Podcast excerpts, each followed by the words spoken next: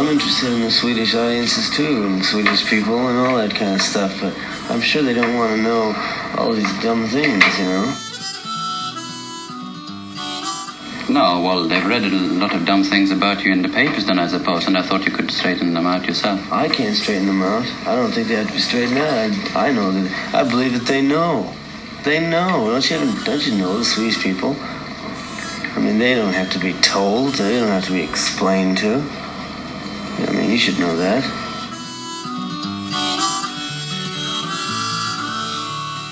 So how do you manage to get your trousers this wrinkled? I mean, do you really make them that My way? trousers? No, these are just. I just had them pressed last night. I don't understand.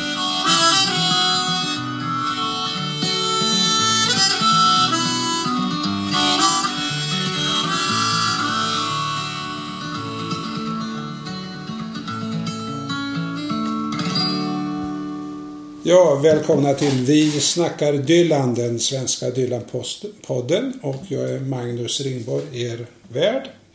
Och med mig idag har jag Peter Engelsöj. Vi sitter på Reimersholme i köket och ska snacka om, om vad då?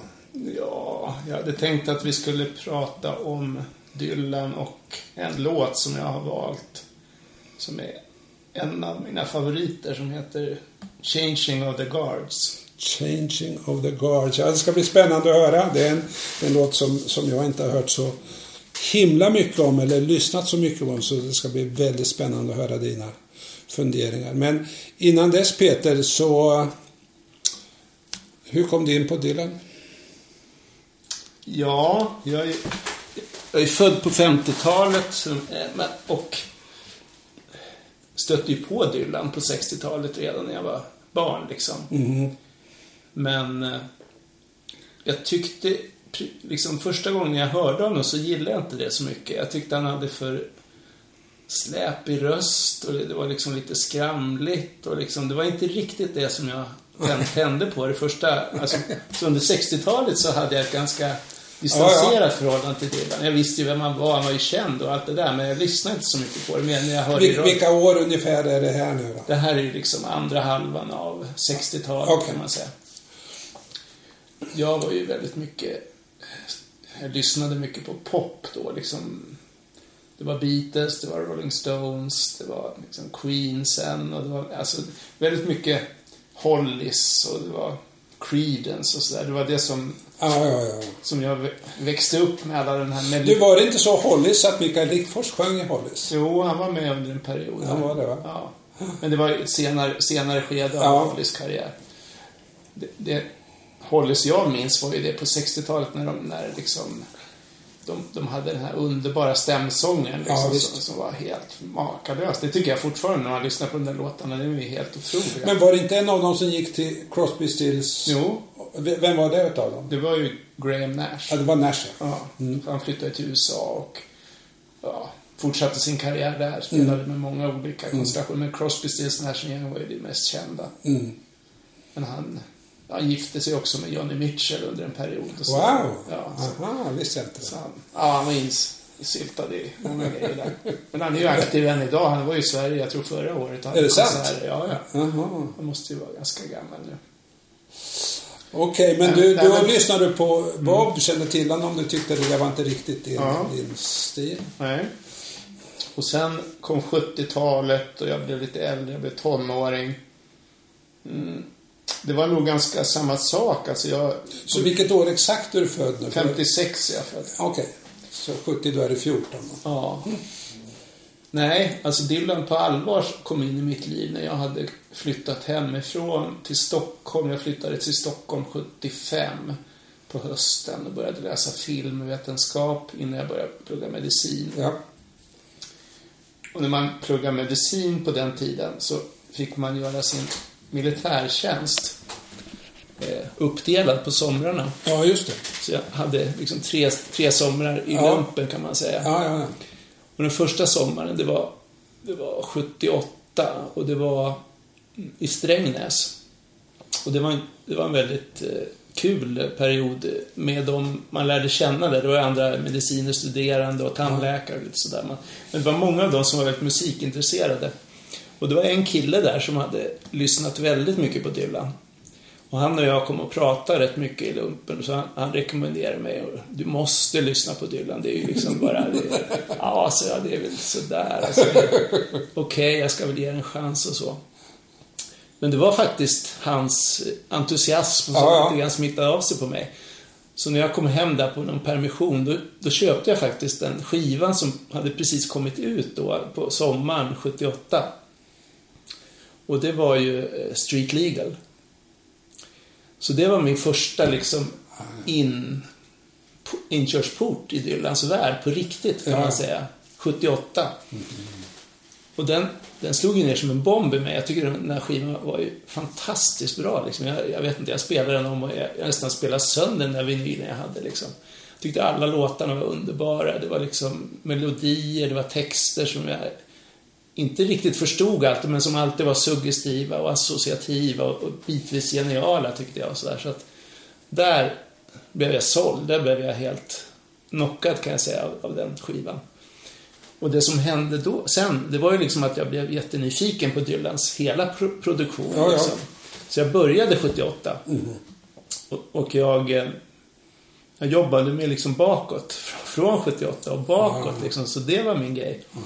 Så jag tog skiva för skiva bakåt i tiden. Liksom ända fram till 61. Systematiskt liksom. Systematiskt, ja absolut. Ja, ja. Systematiskt. Och dessutom, det där tog ju många år att liksom ja, lyssna in sig på allt det där. Liksom. Så, men samtidigt som jag jobbar med bakåt så jobbar jag också framåt. Så jag följde hans karriär liksom när, när, de, när nya plattorna kom. Så, där, så, att, så jag följde Dylan väldigt nära under ja, 10-15 års tid. Liksom. Både bakåt, lärde mig alla gamla låtar men lyssnade också in mig på det nya som kom. Så, där, så, att, så det fyllde mig väldigt mycket under många år, det måste jag säga.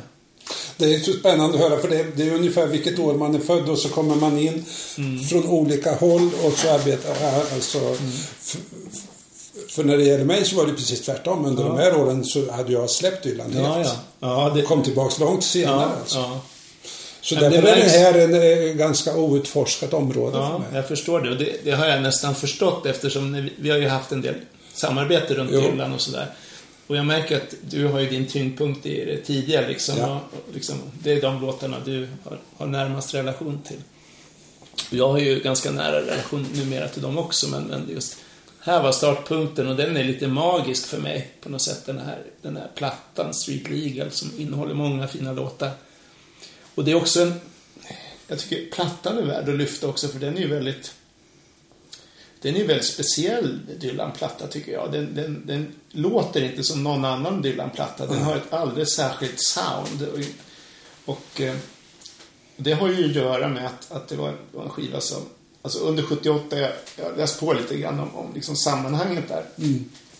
Under 78 så var ju Dylan på turné. Han, mm. Året började med en lång Japan-turné liksom. Han spelade ett antal konserter i Japan. Från januari eller februari till, till april tror jag. Och, För därifrån finns den här Budokan Exakt, LPn, exakt. Den kommer från den. Och den är ju underbar, ja, tycker jag. Ja, men den kom där. Ja. Eller spelades in under, under 78. Och sen gjorde han ett uppehåll i turnén och åkte hem. Och då spelade han in den här skivan, mm. Street Legal. Liksom. Det finns ju en låt från Street Legal med på Budokan. Det är den här eh, Do you love me? Eh, or are you just extending goodwill? Do you need me half as bad as I say? Or are you just feeling guilt? Mm den låten finns med på Budokan liksom. Ja. Men den hade inte getts ut då. Den, den kom sen liksom på, ja. på, på, Street Legal. Men när han kom hem från USA, det var ett break i den där konsertturnén. Liksom. Han fortsätter i turnén sen på hösten också. Då. Och då, då spelar han eh, den här låten, eh, Changing of the Guards, under hela det året på, på sina livekonserter också. Så. Men sen, sen släppte han ju den där, så han, han har aldrig spelat den här efter Nej. 78 live Nej. liksom. Men när han kom till USA då i april och skulle spela in den här plattan så, så var ju det väldigt... Han hade ett, en liten lucka så, så den här sk, hela skivan är inspelad på fem dagar. Hela plattan liksom, ja. fem dagar. Och han, och han, ställde upp hela bandet i, i i, i studion liksom. Och de, de bara spelar in rakt av liksom. Varje låt för sig. Så det är in, inga pålägg och det är liksom ingenting. Utan allt bara skedde i rummet. Det hörs ju på plattan att det är lite så. För den är lite slarvig och den är lite... Ljudet är inte det bästa. Men det, det är en väldig skärm i det här ljudet tycker jag från den plattan. Och, Ja, det är fantastiskt att, att höra dig säga det här för jag har ju motsatt uppfattning alltså. Jag Ja. tycker den är skränig, han överanvänder Ja. kören Ja. och så vidare. Ja, men jag älskar ju det där. Jag tycker, Ja. jag tycker han har verkligen fått till det liksom. Den här låten är ju extra allt liksom. Changing of the Guards. Det är liksom allting. Han har gitarrer, han har saxofon, han har en kör som är, som är hypoman nästan i bakgrunden liksom. Och sådär. Men mitt i det här så sjunger han något så oerhört bra tycker jag. Hans röst är klarare än någonsin. Han rytmiserar så här perfekt. Det är nästan som han är i trans när han sjunger det där känns det som för mig. Liksom. Och varenda ord sitter precis som det ska. Liksom. Och han ändrar ju liksom rytmiseringen i varje vers dessutom. Så, där. så han har hittat sin egen lösning på att få det här att låta rytmiskt i varje, varje vers. Det här är en grej som har slagit mig på senare år. För jag minns när jag började lyssna då, tidigt på 60-talet på Dylan. Så var det så svårt att förstå. Man förstod att det var genialt. Men vad är det han säger egentligen? Och då hade man ju inga såna här bandspelare så. Utan då gick man lyfta pickuppen och lägga ner och lyfta. Och vad är det han säger? Idag tycker jag när man hör så är han ju fantastisk i sin diktion. Även i de tidiga låtarna. det det, är är ju väldigt väldigt fin artikulation. För det mesta. På, på konsert kan det vara annorlunda. Del. Det kan det. Nej, men det har ju... För mig var det också intressant därför att jag... När jag började lyssna mycket på musik redan på 60-talet och sådär så...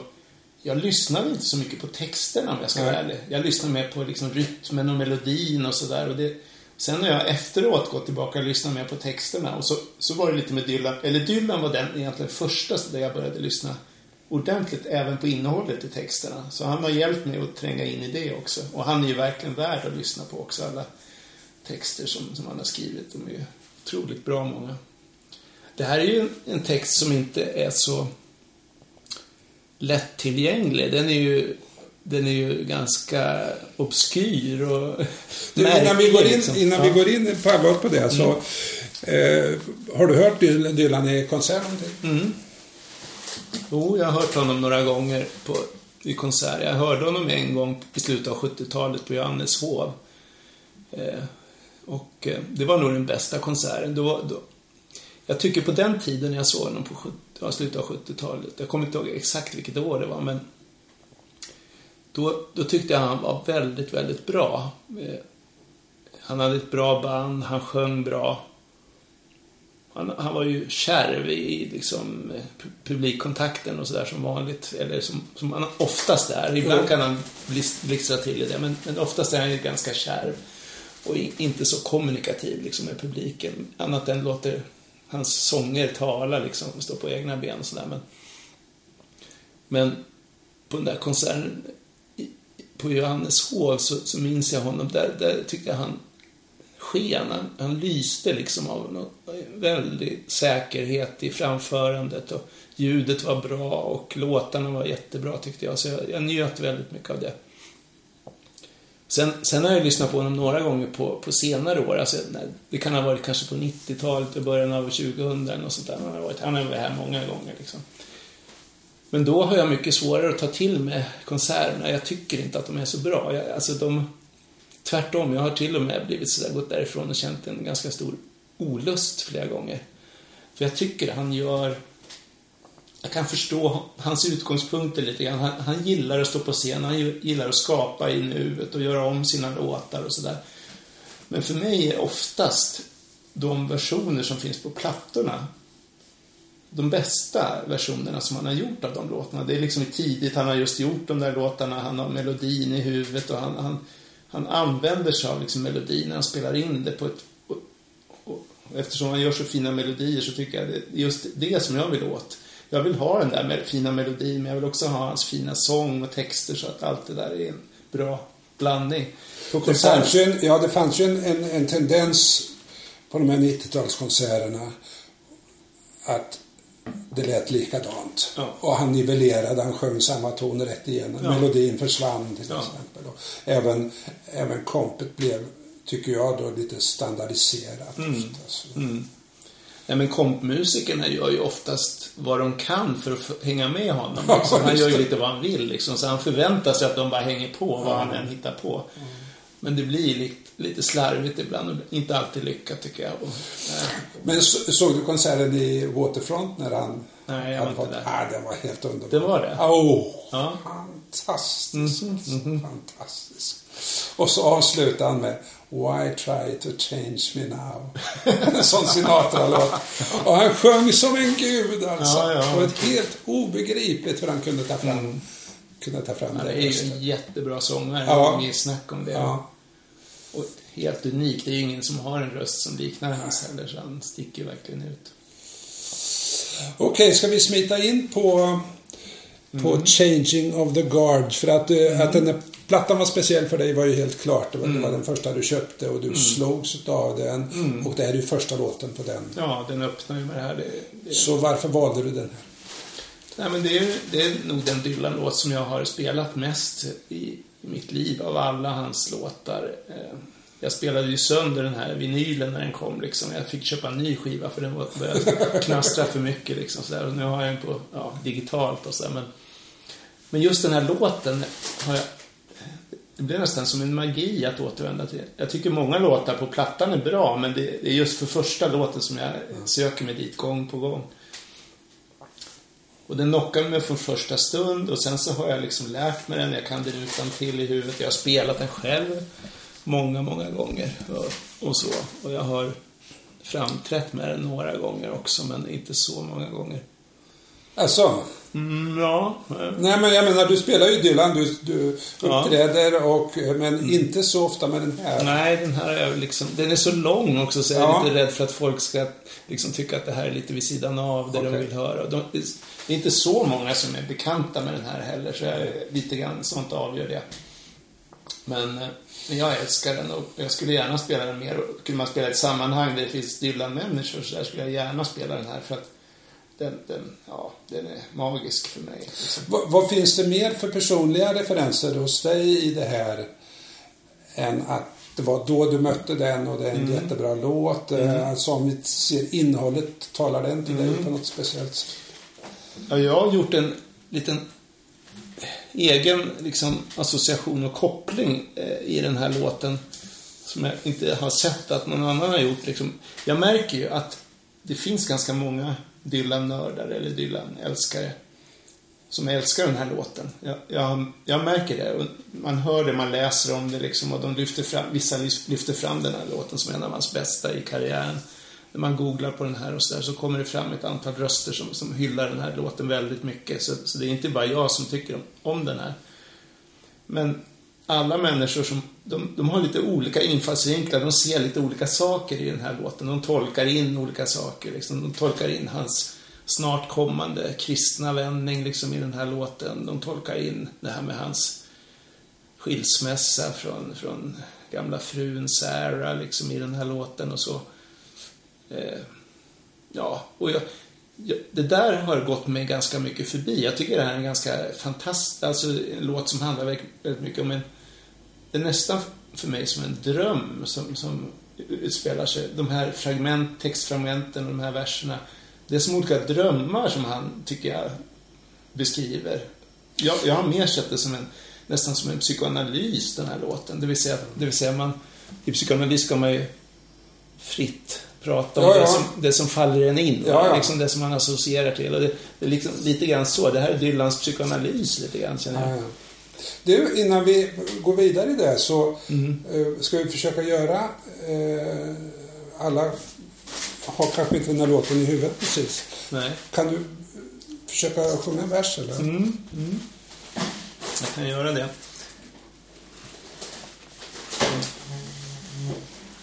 Jag tror vi ska vända oss lite grann så. Jag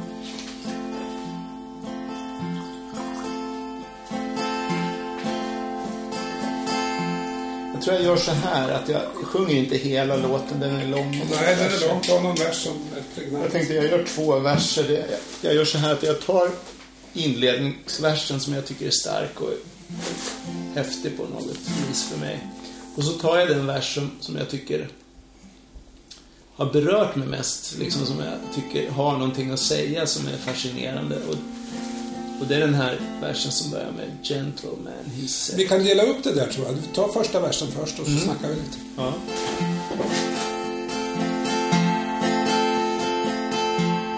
Sixteen years, sixteen banners united over the fields where the good shepherd grieves desperate men. Desperate women divided, spreading their wings neath the falling leaves. Ja, Det första. och Första det är 16 years. Ja. 16 banners. Ja, vad är det här för någonting? Ja, alltså. Det jag tror och det jag har associerat till det är ju att 16 years är ju... Det är de år som Dylan har hållit på faktiskt. Det, det, sen debuten. Eh, det är 16 år sedan, alltså in, 78 är 16 år sedan han slog igenom kan man säga i New York. Eh, och många som skriver om den här låten tror att det syftar på det, liksom att det är det är den tids... Man, man kan aldrig veta med Dylan. Och han säger själv, att, han har kommenterat det här själv, att han vet inte vad den här låten handlar om riktigt själv. Men, men det är det jag associerar till i varje fall, 16 years. Och i övrigt är det mest eh, poetiska bilder tycker jag, som, som jag, jag, jag, mer, jag mer får en slags inre vision när jag läser de här raderna och ser de här vingarna som, som sprids ut och de här olika kvinnorna och männen som är desperata, som rör sig i någon slags, på något fält där liksom. Så det är fantasieggande för mig, kan man säga.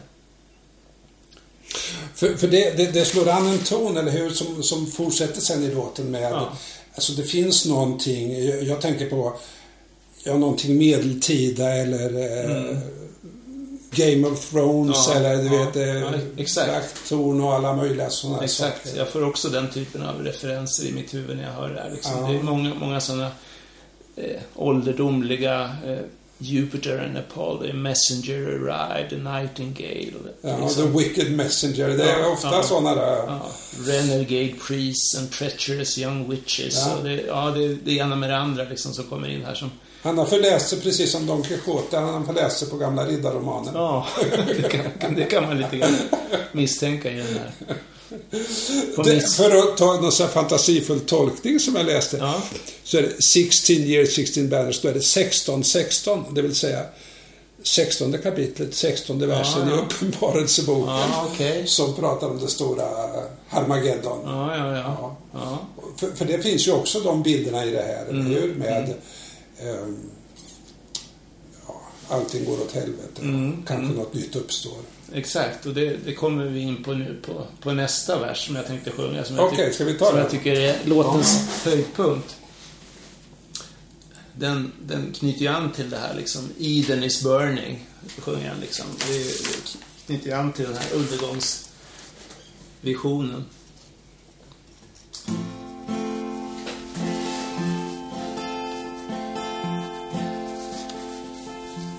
Gentlemen, he said, I don't need your organization of shiny shoes. I moved your mountains and marked your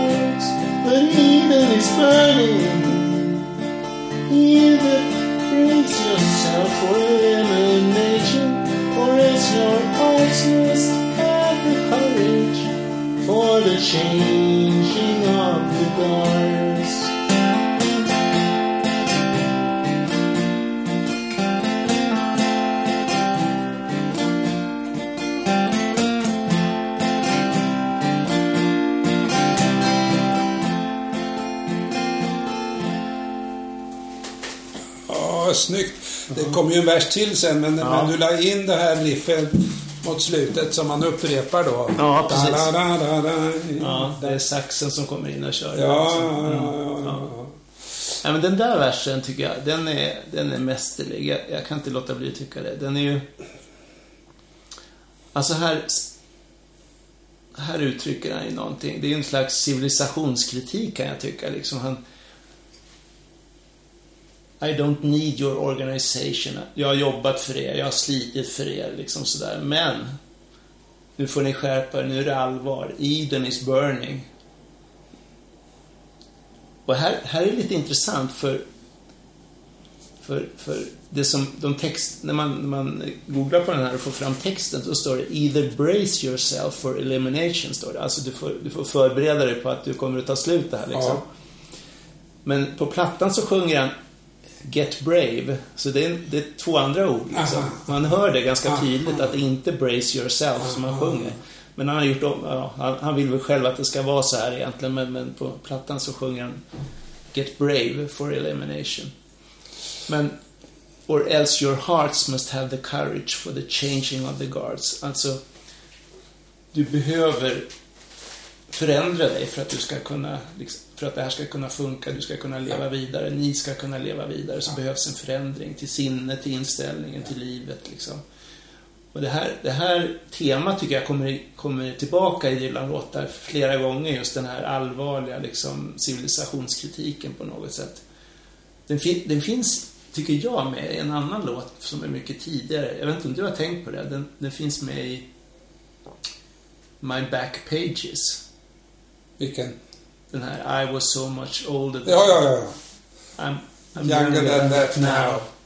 I den låten finns lite grann av det här också tycker jag. Jag vet inte om du har tänkt på det, men sista låten där. Eller sista versen i den låten är ju också... Finns också The Guard med liksom. Ja, det, ehm, My, den, den går så här liksom. My guard stood hard when abstract threats, too noble to neglect, deceived me into thinking I had something to protect. Good and bad, I define these words quite clear, no doubt, somehow. But I was so much older Ja. then. I'm younger than that now. Där är också någonting det här att han, han vill komma bort ifrån att behöva försvara sig för någonting. Han, han är den han är liksom. Han vill inte försvara sig. My guard stood hard. Det var när han var liksom i den här tidiga fasen och alla förväntade sig av honom att han skulle liksom göra saker i, i linje med det han alltid hade gjort. ja, det där återkommer ju hela tiden, det här te- temat att håll inte på och, vad ska man säga, institutionalisera mig. Exakt. Gör mig till en soldat i eran armé. Exakt. Eh, Men det det där citatet från My Back Pages, alltså I was so much older than I'm younger than that. Det är ju ett av hans mest citerade rader. ja, eller det ja. Och, som, och så, så, som är en rad man själv kommer tillbaka Det, det gör jag ofta. Ja. Mm. För den, jag tror det är för alla som har tänkt på den, har en personlig referens. Ja. För mig är det att jag tänker tillbaka på att, ja men då trodde jag att jag visste allt. Nu börjar jag fatta att Mm. alltså, jag blir barn på nytt och har en annan nyfikenhet. Mm. Hur kunde jag vara så tvärsäker då? Ja, exakt. Det, det, det, Nej, men det är relevant Ja. när man blir äldre, absolut, att Ja. tänka på de här sakerna. Öppenheten och... Liksom. Nej, när du sa vi, det finns en annan låt så tänkte jag på en helt annan låt, Ja. nämligen When the Ship Comes In. Ja, ja. Mm. För där är ju där är ju en sån här Harmageddon-låt, va? det kommer att gå åt helvete och bered er på nu att eh, och så vidare. Mm. Och det finns ju också i The Times You Are Changing. You better start swimming or you Ja. sink like a stone. Exakt. Så att, och, och, och där, den här, det har jag funderat på med Dylan, alltså den här gammaltestamentliga profeten som, som predikar undergång och ryck upp er, skärp er, ni kan inte hålla på på det här viset. Nej. Det börjar han med som 20-åring alltså, Mm. Ja. och hojta. Ja. Och fortsätter med Ja, visst. dignity. Ja. I look for dignity. Allt håller på att falla sönder här. Vad är det? Vad håller ni på med Ja, egentligen? ja visst. Och den här kristna perioden med de här saved-plattorna och det där, då, bara öser han på det här liksom. Det här apokalyptiska temat. Guden Ja. som han liksom beskriver, det är ju en väldigt hård och straffande gud liksom. Så man får skärpa sig verkligen om man ska ha med honom att göra. Så, så det finns ett sånt perspektiv som säger Ja. samhällskritik och en allmän så, så, sådär. Och sen finns det då Men det, finns ju också något biografiskt i det här, alltså ett uppbrott. Mm.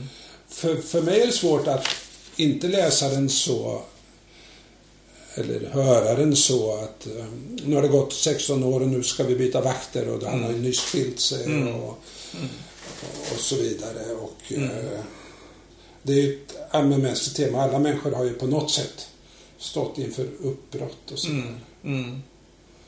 Men är det någonting som talar till dig också? Eller? Ja, alltså jag tycker ju att eh, det där med hans skilsmässa från Sarah och sådär, tycker jag mer har att göra med de två föregående plattorna. Alltså Blood on the Tracks och Desire. Ja. Där har han många låtar, tycker Ja. jag, som anknyter till separationen och sådär. Här tycker jag inte jag känner så mycket av, av det. Jag tycker att snarare är här ett avstamp mot det nya, nya områden och nya teman sådär i hans liv. Men, men jag tänker mera så, alltså att om vi st- struntar i hans liv nu och Mm. tänker på vårt eget. Alltså om man, om man är någonstans, Mm. för det är ju så. Och han har skrivit över 500 låtar. Mm. Så vad man än håller på med så finns det ju en Dylan-låt som snackar Mm. om just det. Och så tänker jag, skulle det vara... Med, med, med allt det här enorma som du sa, inte surrealistiskt, men det är ju, han är ju inne i det sättet. Va? Så det kommer bilder från honom. Mm. Ja, ja, ja. Han har inte koll själv på riktigt hur de hänger ihop. Nej. Men, men det gör ju också att tolkningsdjupet blir så stort. Va? Ja, Så man kan få ut lite av varje. absolut. Så är det för mig alltså att man står inför en valsituation nu. Mm. Är du beredd ungefär? Ja, lite så. Ja, men det, det, det, för det här är ju intressant om man, om man jämför, för jag, jag kan inte låta bli att jämföra lite med de här plattorna som kom innan. De är ju väldigt, eh, alltså Desire till exempel, Ja. den har du lyssnat på va? Ja. Den, den är ju jättebra. Men, men eh, nämn några av låtarna. Ja, men det är Joey till exempel och det är liksom Hurricane och de här låtarna och så. Och han har ju skrivit de flesta låtarna där med en medförfattare, Jack Levi, som också är med. Och de låtarna är ju väldigt narrativa. De berättar ju en historia, liksom en lång, sammanhängande, väldigt välformulerad historia. De här är ju raka motsatsen. Det berättar ju ingen historia. Det här är fragment, liksom. Det är associationer. Det- här är ju låt, det är en låt som skulle kunna vara skriven i ett rus nästan, känner jag. Ett, ett narkotikarus, liksom, som spretar åt alla håll och så. Så han lämnade lite grann, både det som finns i Blood on the Tracks och Desire, det här mera det här med Ja, ja. konkreta narrativa perspektivet för, för det här. Och det, det finns i flera låtar på, på, på Street Legal, tycker jag, samma tendens. Mm. Så. Eh, men... För, för när, jag, när jag sen har lyssnat, jag gick ju bakåt från den här Street Legal till just Desire och Blood on the Tracks. Det var den första jag stötte på Ja, när ja, ja. jag backade. Ja. Liksom. De tycker jag ju också är mästerverk, båda Ja. de plattorna. De är ju otroligt bra, Ja. liksom, båda de. Alltså, kanske främst Blood on the Tracks, det är ju låtar som är legendariska i mitt... Alltså jättefina. Låtar, fina arrangemang, han sjunger bra. Texterna är fantastiska liksom. Ja, det, det är... Tangled När. Nobelmuseet skulle göra en eh, föreställning eller en diskussion, paneldiskussion om, Mm. om eh, en- tid efter han hade fått Nobelpriset i litteratur. Då valde de att ha en panel som diskuterade just Blood on the Tracks. Ja. Mm. Vad tycker du om den?